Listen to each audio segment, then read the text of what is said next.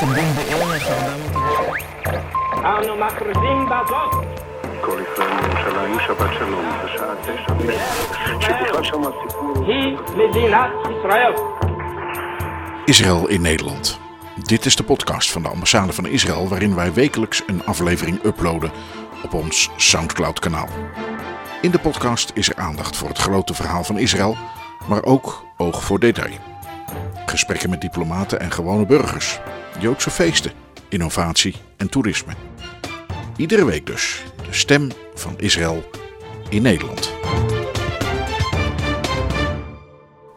Van harte welkom bij deze aflevering van Israël in Nederland, de podcast van de ambassade van Israël in Den Haag. Het is uw vaste plek voor verhalen en informatie over Israël, de Joodse wereld en de relaties tussen Nederland en de Joodse staat. Mijn naam is André Diepenbroek en ik ben uw gast hier. Het is de laatste aflevering van onze podcast voor we beginnen aan onze zomerserie. Immers, de vakantieperiode breekt nu ook aan voor de laatste regio in Nederland. Dus net als vorig jaar markeren we de hopelijk kalmere tijd in een andere omgeving met iets bijzonders. Voordat het zover is, leek het me goed de eerste helft van dit jaar af te ronden met een nieuw deel in onze serie Voorbeeldvrouwen.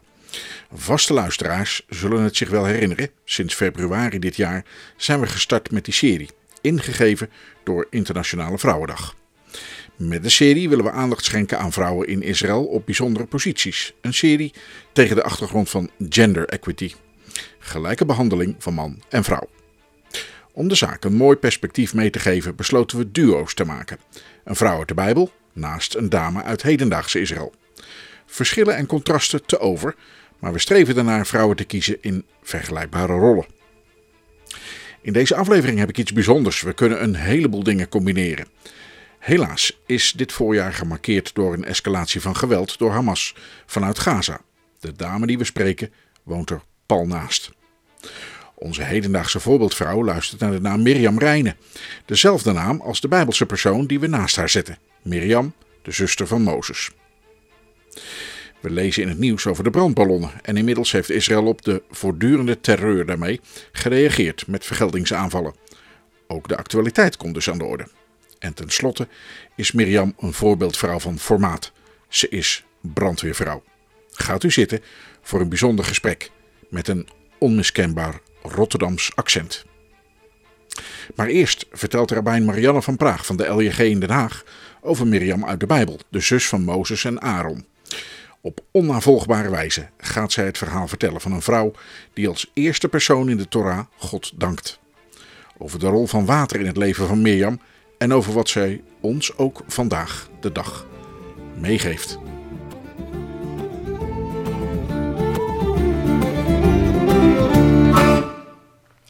We vervolgen onze serie van de voorbeeldvrouwen van vroeger en nu.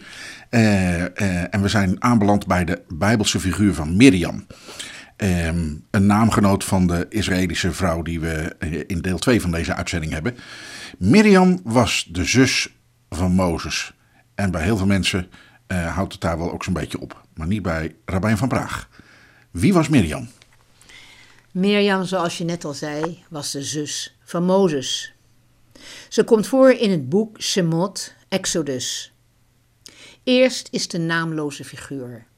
Het is een braaf meisje, wat als de baby geboren wordt en de baby in principe gedood zou moeten worden, omdat alle jongetjes die geboren werden in Egypte uh, gedood moesten worden, uh, zorgt dat hij in een mandje op de rivier de Nijl terechtkomt en zij houdt hem in de gaten.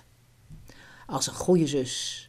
En als ze dan ziet dat de dochter van de farao toevallig in de buurt gaat baden, ziet dat de, koning, dat de prinses uh, dat, dat, dat, dat mandje vindt met en die een babytje hoort huilen, dat babytje pakt. En die begreep natuurlijk al lang wat er aan de hand was, maar toen ze dat babytje zag, helemaal verliefd werd op dat babytje en hem mee naar huis wilde nemen, zij gauw naar voren sprong en zei maar het babytje moet nog gevoed worden, die drinkt nog moedermelk. Zal, ik ken wel iemand die net een baby heeft gekregen. Zal ik zorgen dat het babytje daar wordt opgevoed en als hij groot genoeg is, dan komt hij bij u in het paleis wonen. Dat vond de prinses een prachtig idee, dus zo gezegd, zo gedaan. En zo kwam Mozes eerst de eerste jaren van zijn leven bij zijn zusje en de rest van de familie in het huis van zijn ouders. En daarna verkaste hij naar het paleis. Mirjam paste op haar broertje, die in het water, in een mandje in het water ligt. Het interessante is dat water staat voor het leven op deze wereld. Dat stroomt door, dat stroomt eindeloos door. Het komt nooit in precies dezelfde vorm terug, maar het gaat altijd maar door. Het mandje waar Moshe in lag, heet Teva. Moet u maar gewoon van me aannemen. Nou is het interessante dat de ark van Noach staat ook beschreven als Teva. Dat zijn woorden die alleen in deze omstandigheden voorkomen. In het Hebreeuws later komt het woord, zoals we de Torah en de Tenach noemen, wordt ook beschreven als Teva.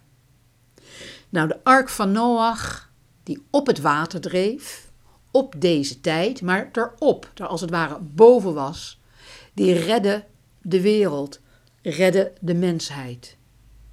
Moshe, die op het water dreef, redde het Joodse volk. En uiteindelijk, nu we al die omstandigheden niet meer hebben, wat is er overgebleven? Het woord. Het woord staat als het ware boven ons en verheft ons en kan ons als het ware helpen de wereld wezenlijk te begrijpen, de boodschap eruit te pakken en die toe te passen, zodat die niet alleen de mensheid, maar ook de wereld helpt. Dat zusje had nog steeds geen naam. Wanneer kreeg die zus een echte naam?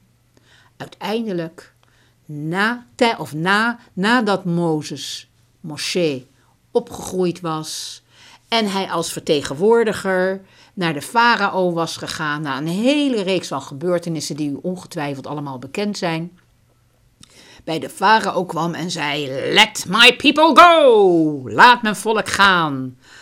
Wat, zoals u ongetwijfeld weet, niet geheel zonder stoten en toestanden eh, gegaan is. Uiteindelijk is het gelukt. Kwamen ze bij Jamsoef, bij de Rietzee aan. En de zee uiteindelijk opende zich. Ze trokken er doorheen. Ze kwamen aan de overkant aan. En daar zagen ze de Egyptische soldaten en de farao zagen ze naderen. En de zee sloot zich en iedereen verdronk. En toen werd er een Sirat Hayam, het lied van de zee, werd gezongen. En dan gaat de eer natuurlijk naar koning, of niet naar koning, naar Moshe uit. En alleen het refrein werd gezongen door, en daar krijgt ze de naam, Mirjam, de profetes Mirjam werd ze genoemd en die daar met zang, dans en tamboerijnen zong. Waarop er, staat, waarop er geschreven staat dat God boos werd en zei: Als mijn kinderen sterven, dansen jullie? Want ook die Egyptenaren heeft hij gemaakt. De mens is gemaakt door God. Dus uit welk land, wat voor achtergrond, wat voor kleur je hebt, je bent een goddelijk wezen. En dan, ja, aan de andere kant staat er ook weer geschreven dat God heel blij was dat zij dankbaarheid toonde met haar dans en zang, want het was de eerste keer. Adam, na zijn schepping, had God niet bedankt. Abraham, nadat hij gered was, had God niet bedankt. Isaac, Yitzchak, nadat hij gered was, had God niet bedankt. Mirjam was de eerste die God op die manier dankte. De naam Mirjam is op zich ook interessant. In het woord Mirjam zit mar, dat betekent bitterheid, want ze kwamen uit de bitterheid van Egypte. Er zit ook het woord Mirjam, Jam, zee, maar ook mem en mem. De mm is van maim, van water. En je kan er ook het woord mama van maken, want de baby komt uit het vruchtwater. Het vruchtwater wat de hele bron van leven is voor die baby. Water, wat een teken van vruchtbaarheid, of wat überhaupt vruchtbaarheid en helemaal in die wildernis waar ze zaten. zo verschrikkelijk belangrijk was. Dus hier heb je een naam die ook weer heel symbolisch is voor de situatie waarin ze verkeerden. De farao werd de vorst van de zee genoemd. Eerst. En nu was het Mirjam, na het overlijden van de farao. Die was nu vrouw van de zee. Ze bezingt de omkering van het symbool. Het water was van dreiging naar redding gegaan. En ze schiep het nieuwe ritueel met dans en muziek. Men ging voort in de woestijn en overal waar Mirjam was, was waren bronnen van levend water. Uh, water is niet alleen van belang voor de vruchtbaarheid, het heeft ook een genezende kracht, het reinigt. Dus Mirjam binnen die gemeenschap geeft les, ze geneest met woorden en met medicijnen. En dan komen ze bij een plaats die heet Mara, bitter, want het water smaakte daar zo bitter. Interessant is, water is water. Hoe kan water nou bitter smaken? Nee, het volk proefde de smaak van zijn eigen toestand. Hoe zij vonden ze het zo zwaar hadden en zo bitter hadden en dat projecteerden ze op het water. De bron van Mirjam zag eruit als een rots met gaten daarin. Hoe water een rots uitholt. En dat doet weer denken aan een andere midrash die we kennen, dat een belangrijke geleerde die we hebben in onze geschiedenis, Rabbi Akiva. Rabbi Akiva, die oorspronkelijk een arme schaapherder was en trouwde met Rachel, de dochter van zijn baas, tot grote ontstemtenis van zijn vader. Want hoe kon zo'n arme schaapherder nou met zijn prachtige dochter trouwen? Maar die twee hielden heel veel van elkaar. En op een dag toen hij schapen aan het hoeden was, zat hij eventjes en keek hoe een druppel water op een rots, drup, drup, drup, een heel gat had uitgesleten. En hij bedacht zich op dat moment, als druppeltjes water zoveel kracht hebben dat ze een harde een kei, een rots kunnen uitrollen, moet ik toch kunnen studeren, is mijn hoofd niet zo afgesloten ging naar huis, besprak het met Rachel, die het volkomen met hem eens was, en hij ging naar Javne om te studeren en bleef daar vele jaren studeren. En werd de beroemde rabbijn Akiva. Dus dat is ook weer zo mooi, dat die mensen die bleven klagen en klagen en klagen.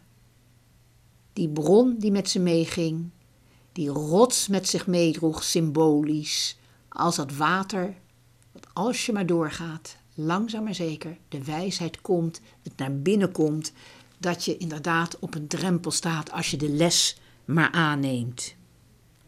Veertig jaar lang, veertig jaar lang ging die bron met mee overal waar Mirjam was, was er water.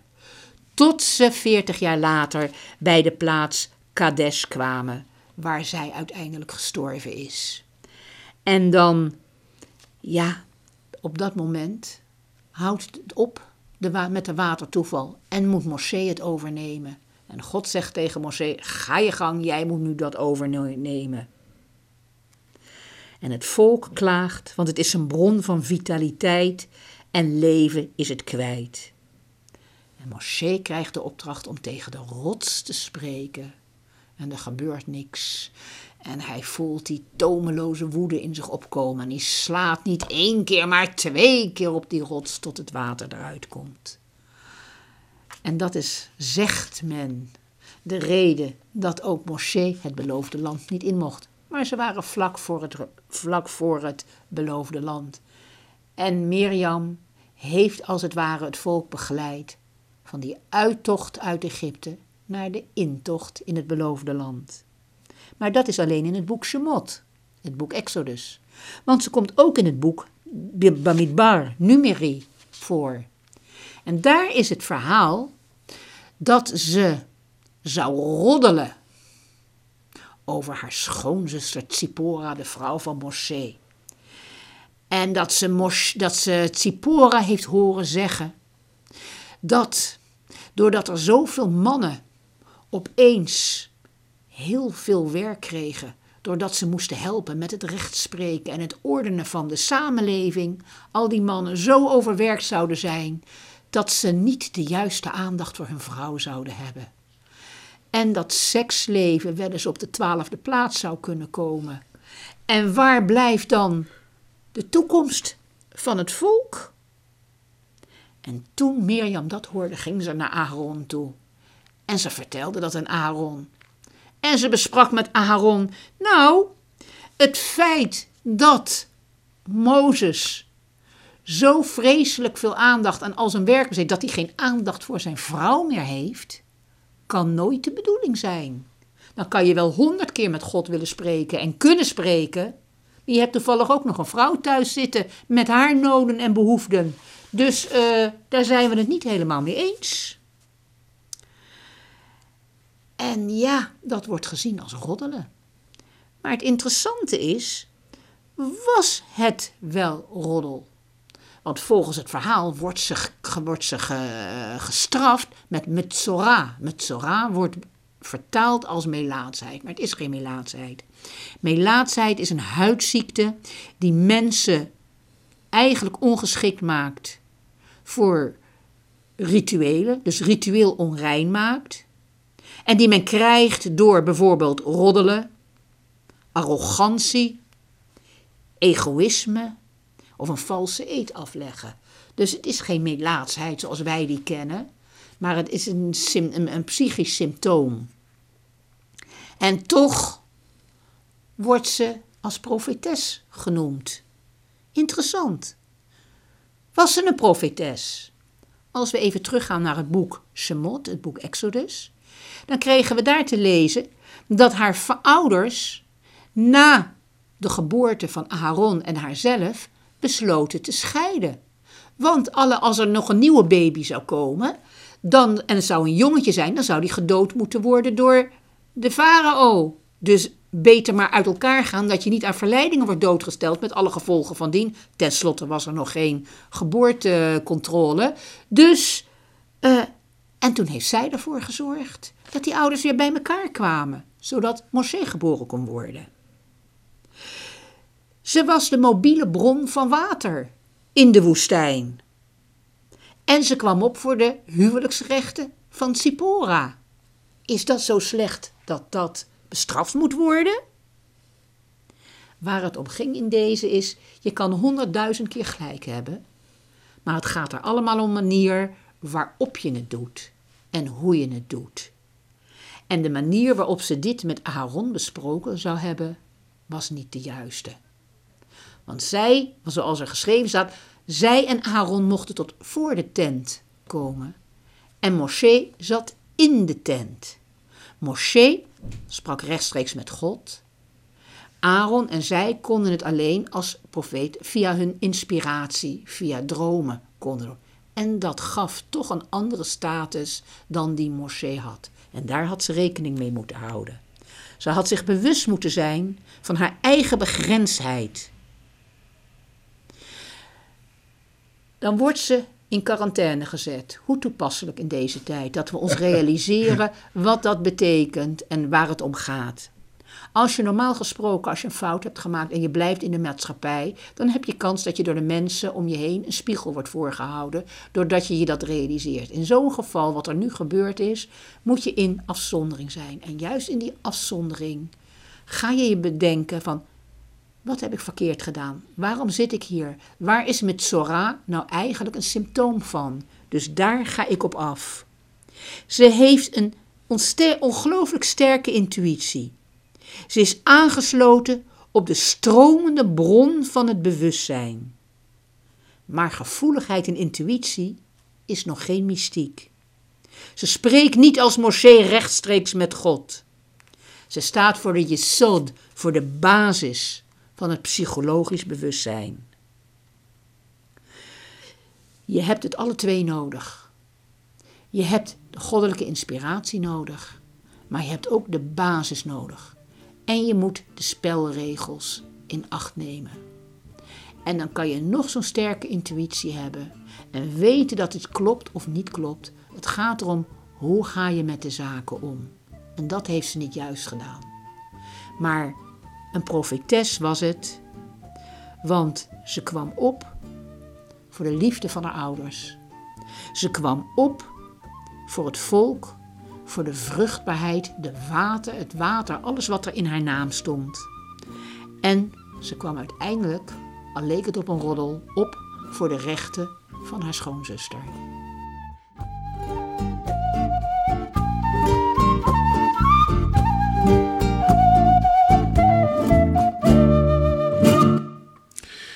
Mirjam, de zuster van Mozes en Aaron. Ze kwam op voor de liefde van haar ouders, voor het voortbestaan van haar volk en voor de rechten van haar schoonzus.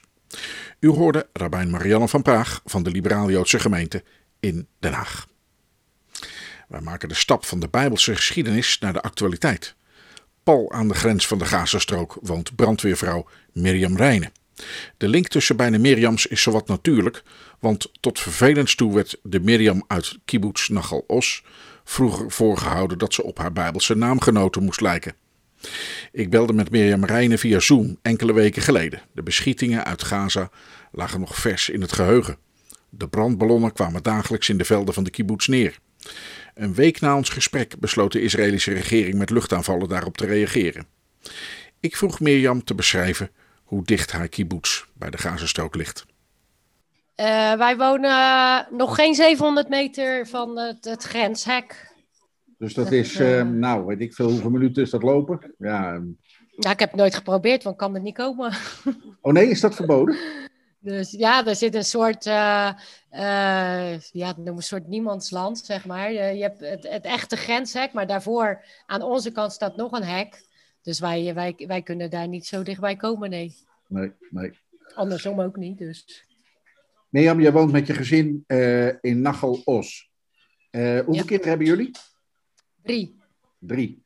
En ja. allemaal op de, op de lagere school al, of dat nog niet? Ja, ja nee, de, ik zeg maar ja, nee, de jongste die is vijf. Ja. Die gaat, uh, ja, hier, hier werkt het natuurlijk anders. Hè. Hier gaan ze pas uh, bij zes gaan ze naar de basisschool en beginnen ze gelijk bij groep drie. Ja. Dus die gaat na de vakantie uh, naar groep drie. En dan hebben we er nog eentje van tien. Die gaat naar het laatste jaar van de basisschool. En de oudste is elf en die gaat volgend jaar naar de middelbare school. Oké. Okay. En de middelbare school is ook bij jullie in de buurt? Of is dat een endweg? Uh, dat is in Sharenegev, vlakbij Sederot. Dus ze gaan met een uh, bus van school, worden ze opgehaald. En uh, ja, het is een kwartiertje met de bus. Oh ja. Dus, zeg, Nachal Os, dat is, zal misschien niet voor iedereen even goed bekend zijn. Waar ligt het precies? de Gazastrook, het ligt naast de Gazastrook. Dat is een beetje een langgerekt stuk land. Liggen jullie halverwege of zo? Ja. nee, meer naar het noorden. Oh ja. Dus een beetje niet, niet te boven, wel net aan de zijkant, maar wel bovenin. Ja, ja. Zeg, en hoeveel mensen wonen er eigenlijk in, in jullie kibbutz? Uh, 400, om en erbij. Dus en, niet zo groot. En jullie hebben een groot stuk land? We hebben wel een aardig stuk land, ja. ja. Okay. Maar dat is ook afhankelijk van het uh, aantal bewoners. Oh. Dus hoe, uh, zeg maar, hoe meer bewoners je hebt, hoe meer recht op land je hebt. Dus... Uh, we komen zo nog even te spreken. Jullie zijn uh, een, een, paar jaar geleden naar, naar Israël geëmigreerd. Aliyah gemaakt. Ja. Hoeveel jaar is dat geleden? was in maart drie jaar. Oké. Okay. Dus jullie zijn echt nog wel, nou, een beetje vers, zal ik maar zeggen. Ja, ja, nou ja, we vallen nog steeds onder de nieuwe immigranten. Dus, ja, is daar een bepaalde tijd voor? ja, volgens mij hebben we het over, spreken ze over een jaar of vijf. Oh ja. Oké. Okay. Dan. Okay. Dus, uh... Nou, jullie komen uit Rotterdam. En dan nou, heb ik ja. toch het gevoel erbij dat dat een grote stad is. En dan gaan jullie verhuizen naar Israël. En dan worden jullie boeren. Want jullie wonen eigenlijk, ja, een, ja. een kibbutz is een landbouwgemeenschap. Waarom ja, we, we werken, we werken hier ook allebei op de boerderij. Echt waar? Dat had je toch ook niet voor kunnen stellen, of wel? Nee, nee. Nee, we werken nu allebei bij koeien. Nou, dat had ik nooit bedacht, nee. Maar goed, even, het is wel hartstikke leuk. Maar waarom heb je voor Nachel Os gekozen? Ja, nou ja, sowieso uh, waren we het hele stadse leven uh, zat. Nou, eigenlijk heel Nederland gewoon zat. Dus, uh, en we hadden eigenlijk al toen de oudste geboren werd, dus dan praat je over elf jaar geleden, hadden we al zoiets van, nou ja, het zou toch een soort van idealisme, droom om ooit naar Israël te verhuizen. Ja, dan worden ze steeds ouder en ouder. En op een gegeven moment moet je dan de knoop doorhakken. Dan is het gewoon of we gaan of we gaan niet. Dus uh, drie jaar geleden besloten dat we dus gingen. En we zijn gegaan. En ja, we waren een jaar voordat we gingen uh, emigreren, waren we hier geweest. Zijn we een week geweest op vakantie. Nou, het was allemaal pijs en vrede, hartstikke gezellig, rustig. Helemaal geen last van de buren gehad de afgelopen jaren. Dus dan praat je over vier jaar dat rustig was.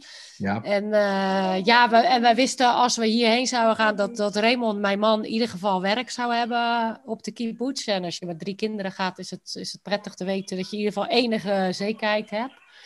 En zodoende zijn we hier uh, terechtgekomen. Ja, ja. hey, en toen uh, woonden jullie er goed en wel. En toen begon het hele gedoe met, uh, met Hamas aan de andere kant. Dat ja, heb je nou ja, eigenlijk... ja? De, eer, de dag dat wij aankwamen, 25 maart... eigenlijk diezelfde avond al kwam de buurman naar ons toe rennen... om te kijken of het luik van onze beschermde kamer, onze mamat, of die gesloten was. Want er was een alarm afgegaan in, de, in een van de omliggende kibbutzen. En eigenlijk uh, vanaf die dag zijn ook de, de, de demonstraties aan de grens begonnen. Dus uh, we hebben eigenlijk ja, sinds we hier zijn niks anders meegemaakt nog. Nog geen... Dan ga ik even een, een beetje een zurige vraag stellen. Je, je liet je net ontvallen dat je Nederland zat was. Ja. En dan, en dan kom je hier terecht, zeg. Fantastisch. Ja, dus, nou ja, ja. Nee, ja.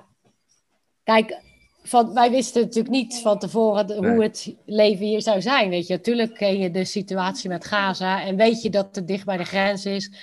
Maar wij hadden mensen hier gesproken, zeiden nee, het is hartstikke al jaren nou stil. Sinds uh, de laatste oorlog was 2014. Daarna is het eigenlijk heel rustig geweest. Ja, dan weet je ook niet beter. Dan denk je, nou ja, weet je, het zag er allemaal gezellig uit. Lieve mensen, goed, goede sfeer. En dan denk je, nou, laten we daar maar heen gaan. Ja. Ja, ja. en dan... Uh... Dan gebeurt dit. ja.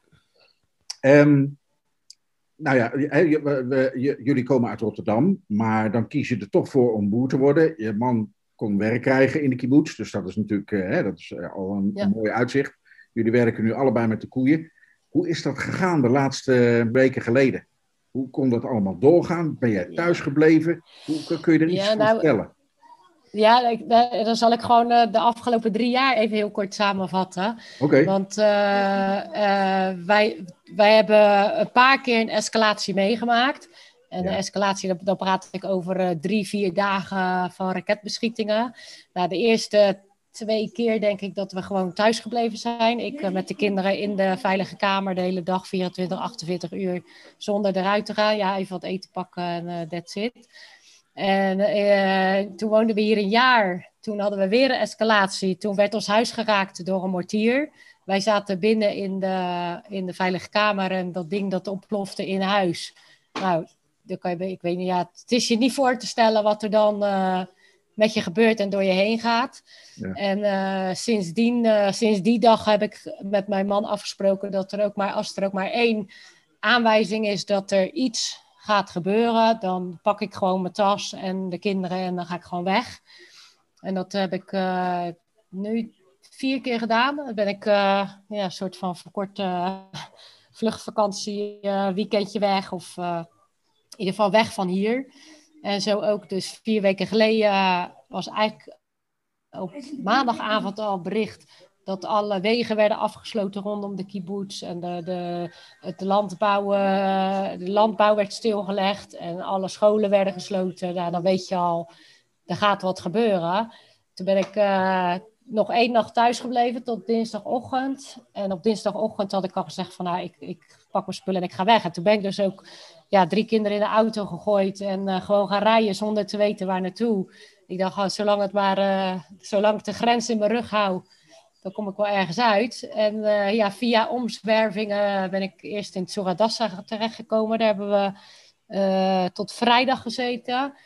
En op vrijdag zijn we naar een kibbutz in het noorden gegaan, waar nog 30 gezinnen opgevangen waren van onze kibbutz. Want inmiddels was onze hele kibbutz geëvacueerd.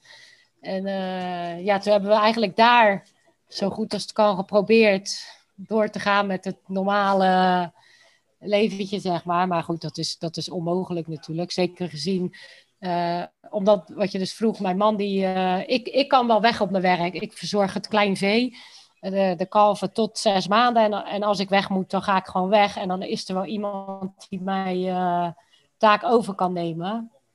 Maar mijn man, die is zeg maar plaatsvervangend manager hier op de kibbutz. En die kan gewoon niet weg. Want ja, die, die, koeien moeten gebolken worden, ze moeten eten hebben. En de helft van het personeel komt dan niet opdragen. Draven. Dus ja, hij, hij kon niet weg. En hij heeft hier echt uh, ja, in een oorlogszone gezeten. was echt. Uh, ja, ik, zelfs ik kan het me niet echt voorstellen, want ik, ik ben er niet bij geweest, behalve die eerste anderhalve dag. Maar ik, uh, ik begrijp wel van mensen die ook de oorlog in 2014 hebben meegemaakt, dat de laatste ronde echt, echt wel extreem was. Gewoon veel erger, als, veel heftiger. Ja, en hij zit daar dan tussen. Praat hij er dan over met jou als je terug bent? Ja, nou ja, hij is, hij is uh, tussendoor twee keer naar ons toegekomen. Dat ze hem echt wel hebben weg moeten sturen hier. Dat dan de manager er was en dat hij even weg kon. Gewoon om even, even adem te kunnen halen. Want dat is, ja, dat is, ja, maar uh, ja, nadeel daarvan is dat het alleen nog maar heftiger is om weer terug te gaan natuurlijk. Want je weet waar je dan weer naartoe gaat. En uh, ja, natuurlijk praten we daarover. Maar het, het, is wel heel zwaar geweest. Wel, uh, ja, op een gegeven moment, uh, de, het was op, even denken, moet ik goed zeggen. Vrijdag volgens mij hadden we staakt het vuren. En dan de, altijd de één of twee dagen daarvoor, die zijn eigenlijk hier het ergst omdat ze dan stoppen met de, de grote raketten, maar dan gaan ze al het kleine spul afschieten de mortieren. Ja, en ja want dat, dat is dan voor hun. Dus even. even ja, ja. Dus dan schieten ze alles wat ze nog hebben aan, aan kleine zooi, schieten ze dan af. Maar de, ja, die kunnen nagenoeg niet onderschept worden door de eigen doom. Dus al die kleine mortieren, ja, die, die landen ook allemaal hier. Ja, en dat is echt, uh, echt, echt de hel op aarde op dat moment. Dan, uh, dat, uh, hij zegt bijvoorbeeld, er stond hij in de, in de veilige kamer op de boerderij. En dan hoorde hij gewoon de, ja, de, de zooi dat in de mortier zit, alle staalsdingen, dat hoorde hij gewoon als een regen op het dak vallen. Ja, en daar staat hij dan tussen met zijn helmpje op en zijn kogelvrij vest. Ja. ja. Waanzinnig. Ja, nou ja. ja, dat is wel heel heftig geweest. Ja. Ook voor die kinderen hoor die hadden het wel heel, uh, ja, die hadden dat er wel moeilijk mee. Ja. Als natuurlijk ja. uh, s'avonds even papa nog wilde bellen. Of uh, ja, dan, dan, wat bedoel, je weet zelf op een gegeven moment ook niet meer wat je kan zeggen. Weet je, als mijn dochter, mijn zoon zeggen van ja, dat je die gaan huilen naar bed. Van ja, misschien als ik morgen wakker word, is papa er misschien niet meer. Want die loopt toch daar, daar rond. En dan zeggen mensen, ja, maar dan moet je niet vertellen wat er aan de hand is. Ja, ze, ze zijn niet gek natuurlijk. Nee, natuurlijk niet. Ik bedoel, ze weten waar je voor weg gaat. Dus nee, die weten ze donders goed. En dan denk ik, ja, wat, wat kan je dan zelf zeggen? Omdat je zelf weet je het ook niet. Ik heb moeilijk, ja. Nou, dat, dat is wel heel lastig, ja. Ja. Maar goed, we zijn er doorheen gekomen. Ja. En, uh, hey, ja. en uh, verhuizen naar een andere plek?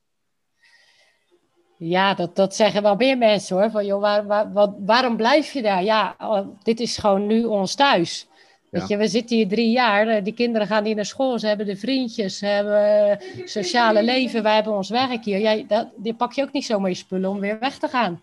En dat wil je ook niet. Want kijk, zeg maar buiten die dagen. Wij praten hier nog steeds over een escalatie. Maar je kan natuurlijk wel gewoon zeggen dat het een oorlog was. Maar buiten, buiten die dagen is het gewoon hartstikke mooi wonen hier. Plus dat wij ook nog wel enige sionistische gedachte hebben. Met het idee van, ja, weet je, als, als iedereen hier nou weggaat, dan, dan blijft er nog maar heel weinig van Israël over. Want dan geef je ze eigenlijk gewoon een vrijbrief om te zeggen van, nou ja, je pak, pak dit stukje ook maar erbij. Ja. Want er woont hier toch niemand meer. En dat is ook, uh, nu heeft de, de regering en het, het, leger nog een reden om hier iets aan de grens te doen. Als, als hier geen mensen meer wonen, denk ik, ja, dan heeft het ook uh, weinig meerwaarde natuurlijk. Dus ja. Ja, en op deze manier dragen jullie natuurlijk wel bij dat die grens op de plek blijft waar die ligt. Ja, dat denk ik wel, ja. Ja, ja. Hoe, ja dat klinkt dan uh, lastig om te moeten zeggen dat jij dan kind van de rekening ervan bent, maar zo uh, bedoel nou, ik maar zo, Nou, nee, maar zo, zo, is, zo, zo voelen wij het ook wel. En zeker de laatste drie jaar hebben wij zo... Uh, weet je, wij, wij hebben hier echt al zoveel raketten over ons heen gehad, waarvan eigenlijk de wereld geen weet heeft. En pas zodra Hamas een raket schiet naar bijvoorbeeld Tel Aviv of uh, Jeruzalem, ja. dan gaat Israël wat terug doen. Dus wij aan de grens hier, ja, wij hebben wel een beetje het gevoel dat we een beetje derde rangs burgers zijn inmiddels.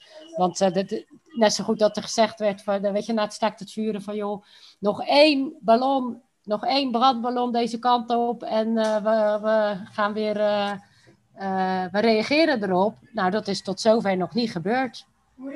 Je hebt er, je hebt er vandaag al genoeg langs zien komen. Ja, ja ik heb er ook al zat explosies weer gehoord. Dus, ja. nou ja, dan, dan zegt de regering van, nou ja, dat een ballon zien we nou als een raket. En daar gaan wij op reageren. En dan tegelijkertijd zegt de regering hier van, ja, maar dat doen we wel op onze tijd. Dan denk ik, ja, onze tijd. Uh, kijk, ik snap, het is niet allemaal zo, zo makkelijk, dat begrijp ik ook wel. Maar het aantal wat wij hier nou gehad hebben in die tussentijd, dan denk je, nou, dat, is, dat, zou, dat zou helemaal niemand moeten accepteren. En dat doen we wel. Ja. ja. ja. Hey, um, uh, Nago Os, heeft, heeft, heeft, heeft jullie kibbutz uh, vooral vee of ook veel hoe noem je dat, landbouw? Ja, allebei.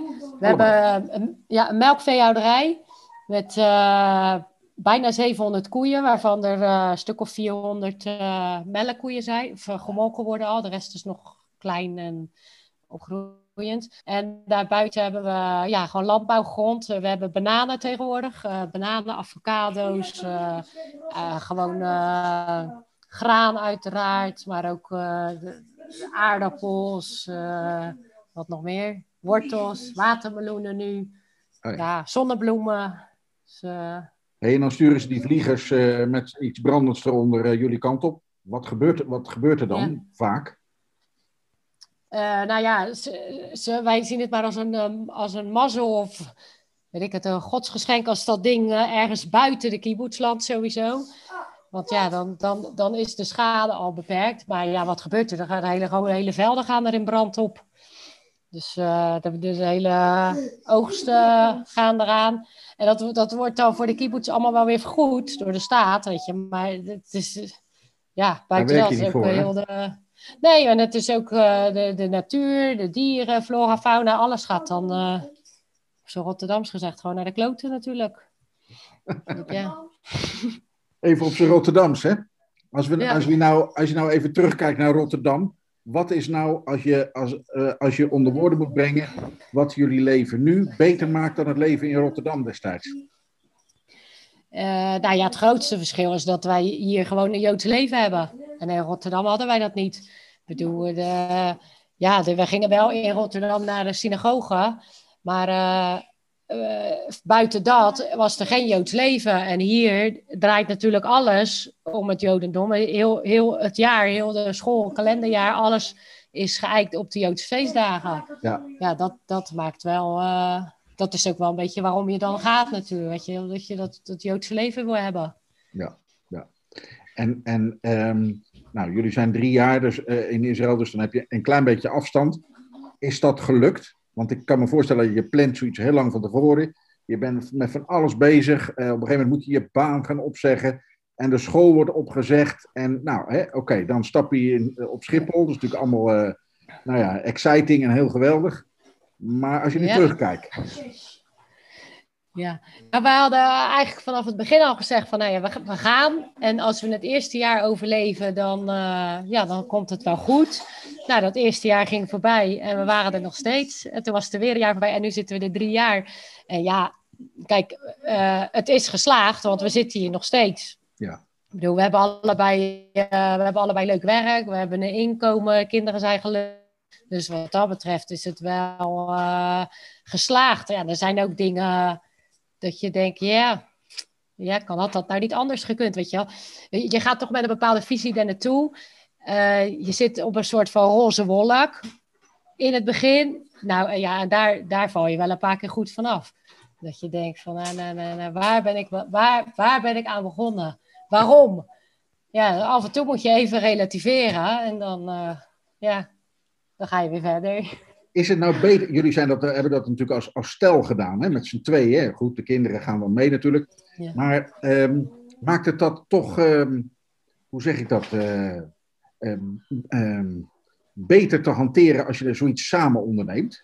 Want ik kan me voorstellen dat als je in je uppie zoiets doet en je valt dan een keer van die roze wolk af waar jij het net over had, Dat dat Ja. een stuk eh, dan lastiger is er is. niemand die je opvangt. Nee. Ja. Nee, ja, dan is er niemand die je opvangt. En als je met z'n tweeën bent, is er altijd wel één die dan, die dan op dat moment toch even het positieve ervan inziet. En dan, ja, natuurlijk, we hebben ook wel eens met z'n tweeën zitten balen. Dat je denkt van, joh... eh, Ook zitten janken ja, samen? dat, nou ja, mijn man die helpt niet zo snel, maar... eh dat blijft een man natuurlijk. Ja, ja, ja, Nee, maar ja, nee, tuurlijk, we hebben echt wel momenten gehad van, eh, joh, eh, wat, wat is hier aan de hand? En Het is vooral heel moeilijk, eh, eh, daar kan je ook geen voorstelling van maken, is gewoon de hele mentaliteit. Die is zo anders als dat wij gewend zijn. En dat dat, dat wel is dat je denkt, nou, nou, nou. Ja. Hey, eh, kun je daar een voorbeeld van geven? Of dat je zegt van nou, Eh. die karaktertrek of zo, daar, dan, nou ja, hè, weet ik veel. Nou, daar, bijvoorbeeld, eh, eh, het komt allemaal wel goed. En wat vandaag niet komt, komt morgen of overmorgen of helemaal niet. Ja, waar maak je je druk om? Weet je, dat, dat, dat is wel echt, volgens mij is dat wat typisch Israëli's. Ook het maar vooruitschuiven, niet vooruit denken, niet vooruit kunnen plannen. Alles maar op het laatste moment. En dat je denkt van, joh, maar dat, dat wist je toch eh, bij wijze van een maand geleden al, dat dat en dat moest gaan gebeuren. Waarom heb je daar dan, bijvoorbeeld op het werk van Raymond, dat je denkt, ja, waar- waarom heb je daar dan geen, niet van tevoren op gepland? Of mensen daarvoor gezocht al vooraf? Weet je, het, is allemaal, het is allemaal op het laatste moment, of gewoon niet. En als dat niet gebeurt, nou ja, dan niet. Wat- Bijvoorbeeld wat ik ook heel lastig vind, bijvoorbeeld, is eh, kinderen mogen hier heel veel. Nou, nagenoeg alles. En dan zeggen mensen ook van ja, maar ja, kinderen zijn een geschenk en je hebt ze tot ze 18 zijn en dan gaan ze het leger in en dan moet je het allemaal nog maar afwachten. En dan denk ik, ja, dat, dat, dat, dat is zo. Maar ondertussen denk ik dat je je kinderen nog wel het een en ander aan normen en waarden mee moet geven. En eh, ja, voor ons wordt, is het af en toe heel lastig. Dat bijvoorbeeld bij die middelste, die dan van tien, die zei eens tegen mij van... joh mama, ik vind het zo jammer dat jij niet in Israël geboren bent. En dan dacht ik ook, zeg, waarom dan? Nou, als jij gewoon eh, in Israël was geboren, was je net als alle moeders hier. En dan had ik alles gekregen wat ik wilde. En dan denk ik, ja, weet je, zo werkt dat. Ja, Ja, dus dat, dat wringt nog wel eens hoor. Wat wij verwachten van onze kinderen en wat de gemiddelde Israëli verwacht. eh, dat ligt nogal eh, bij elkaar vandaan. een beetje uit elkaar. Ja. Dus- Mirjam, we gaan eens even terugkijken naar eh, jullie tijd in Rotterdam. Ehm, eh, ik heb je verteld, deze serie eh, ehm, met eh, inspirerende dames, die, eh, die, eh, eh, nou, die combineren we met, eh, met, ehm, met vrouwen uit de Bijbel. Jouw eh, naam geeft natuurlijk al een klein beetje een, eh, een richting eraan. Ehm, ben jij vroeger ook wel eens met Mirjam vergeleken? De, en dan bedoel ik Mirjam, eh, de Mirjam uit de Bijbel, zeg maar, de zus van Mozes. Ja. Nou ja, ik, ik heb met eh, grote regelmaat, tot vervelend toe moet ik eerlijk zeggen, wel eh, naar mijn hoofd geslingerd gekregen. En dan vooral van mijn moeder. Van joh, maar, maar eh, jij moet wel je naam eer aan doen. En jij moet wel zorgen, weet je wel, voor, ik, ik, wij komen uit een gezin van vijf kinderen. Ik was precies de middelste, maar ik was wel altijd degene die altijd maar moest zorgen dat alles bij elkaar bleef. En dat iedereen gemoedelijk met elkaar omging en zo, weet je wel. Maar echt tot vervelend toe. Dat ik echt wel eens dacht van, joh, eh, zoek lekker iemand anders uit. dus, ja, Ben jij de enige die uiteindelijk naar Israël is gegaan, of niet? ja. En ook Dus je, de rest... eh, je moeder, je ouders, ik weet niet of je vader natuurlijk nog leeft, maar eh wonen allemaal mijn, vader, mijn vader leeft, die leeft gelukkig. Mijn moeder is overleden. Mijn vader leeft nog wel. Die komt toevallig morgen komt hij hier aan.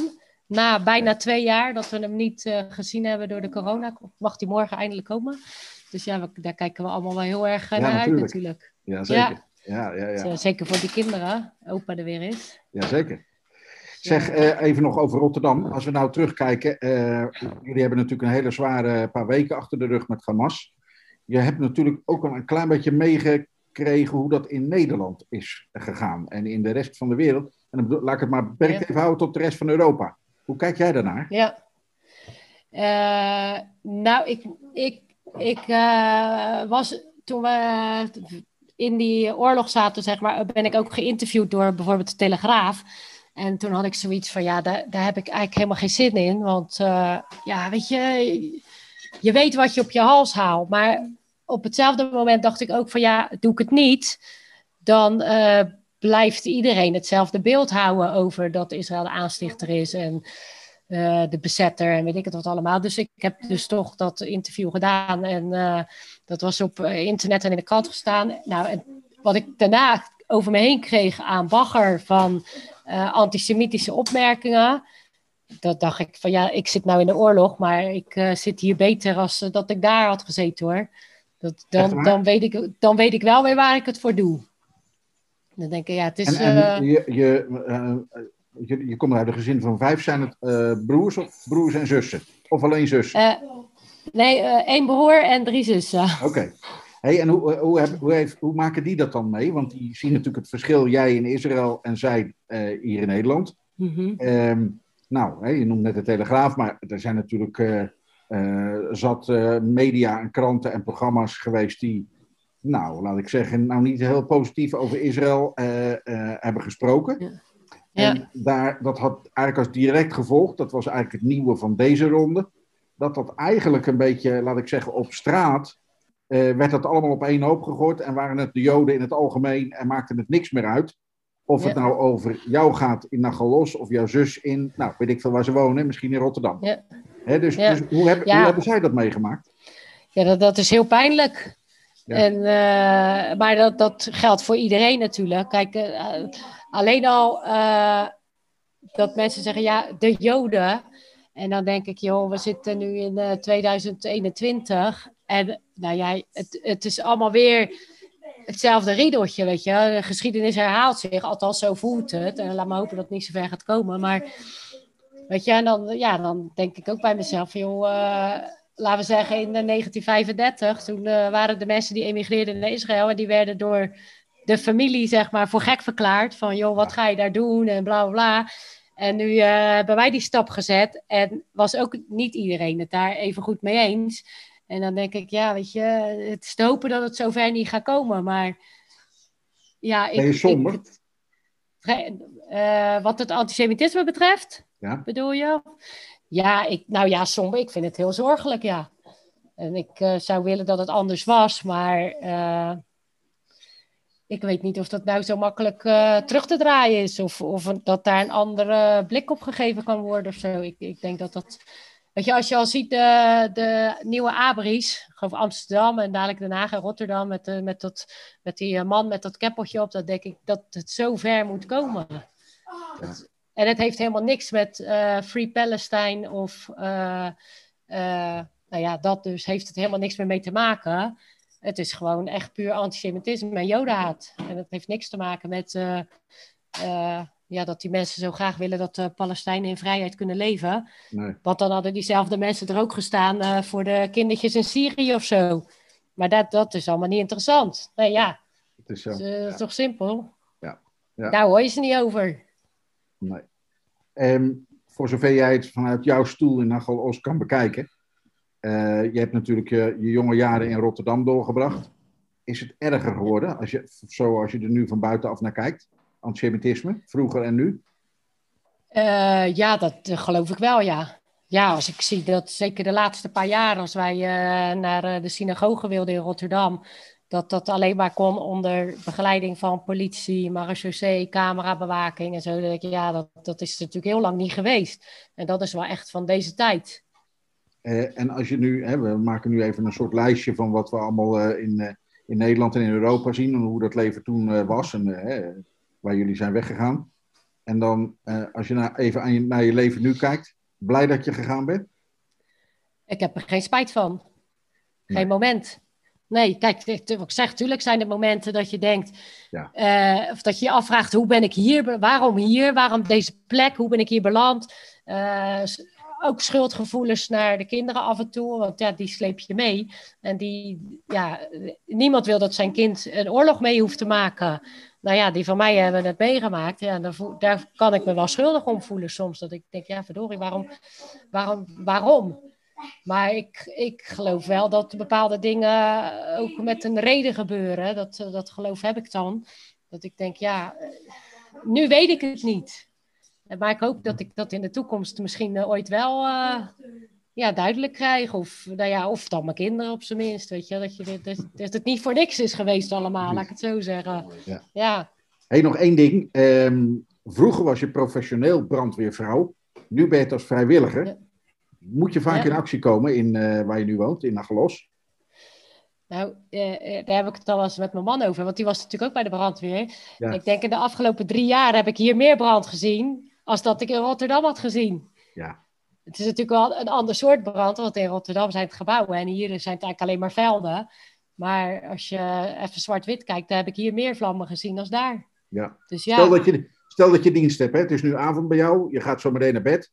Je hebt, eh, ja, vroeger had je dan een pieper. Hoe gaat het tegenwoordig? Is dat gewoon een appje of zo? Hoe, als Ja, je die oproept, hoe gaat dat? app.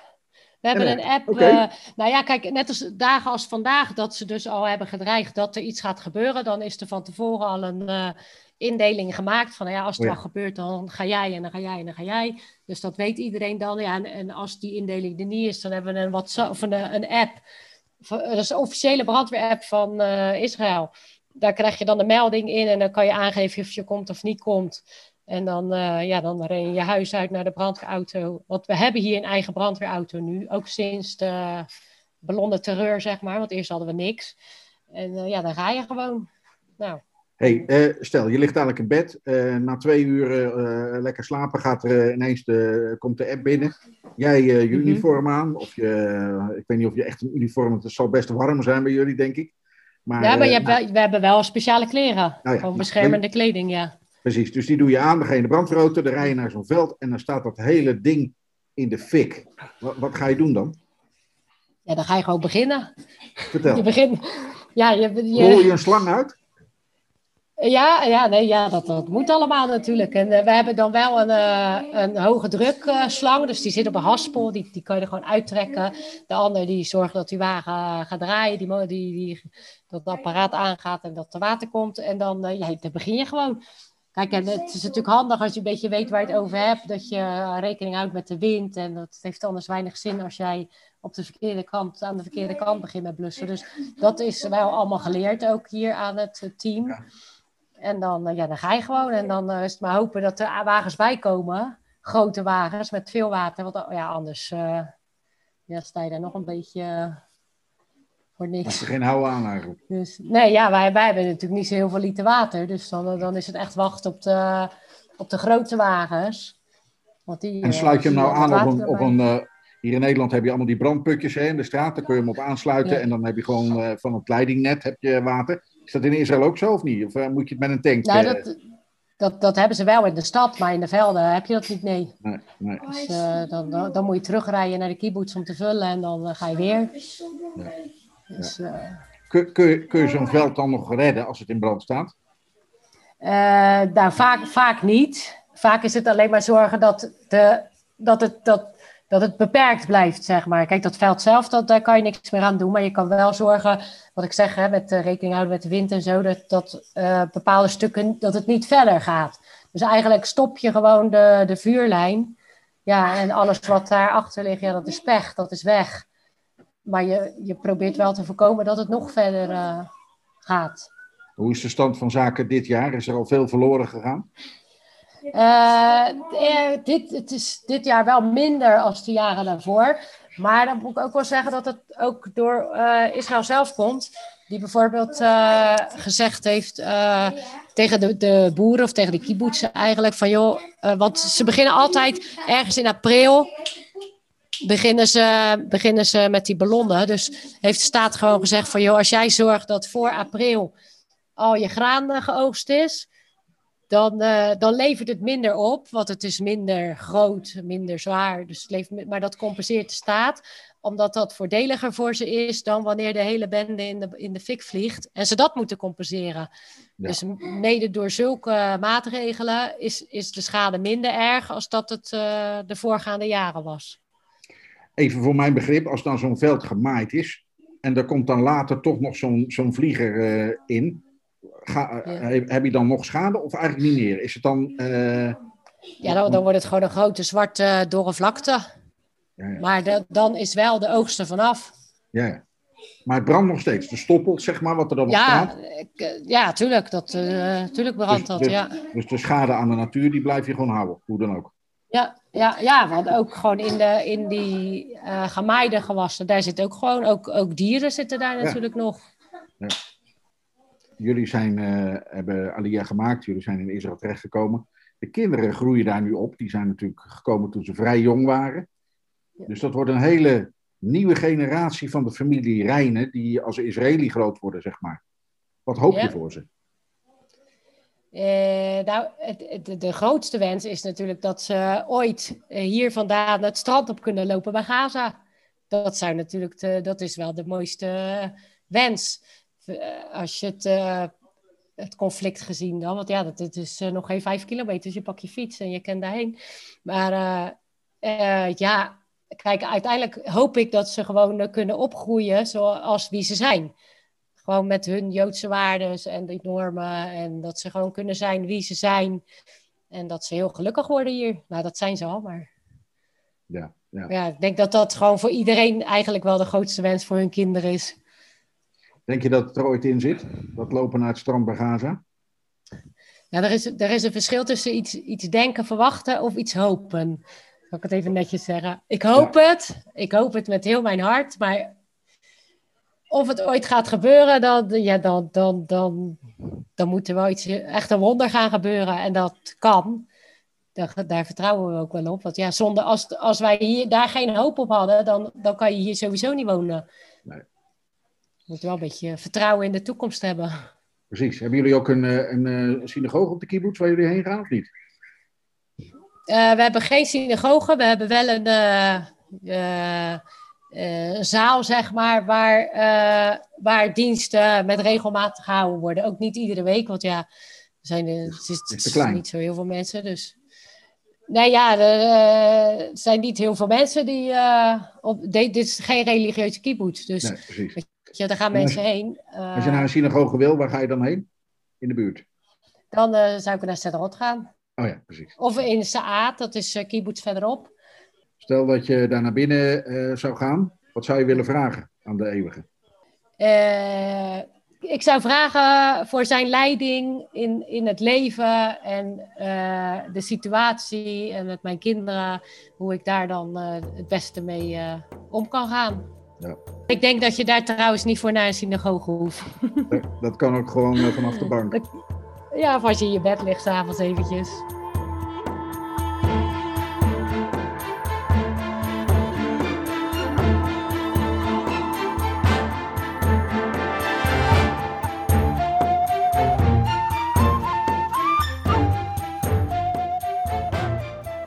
Zei brandweervrouw en voorbeeldvrouw in onze serie Mirjam Rijnen uit Kibbutz Nachal Os, pal naast de grens met de Gazastrook. Voor wie wel eens wil zien hoe Mirjam eruit ziet in een brandweerpak, verwijs ik graag naar onze pagina soundcloud.com slash in Nederland. Daar staat een link naar onze Facebookpagina waarop ik een paar foto's heb gezet. Wij komen hiermee aan het einde van deze speciale podcastaflevering van Israël in Nederland. Vergeet u niet volger te worden of anderen aan te raden zich te abonneren. Zo blijven u en uw vrienden steeds op de hoogte van wat we doen. Dat kan allemaal via Spotify, Overcast, TuneIn, Stitcher of gewoon via ons Soundcloud-account. soundcloud.com slash Israël in Nederland.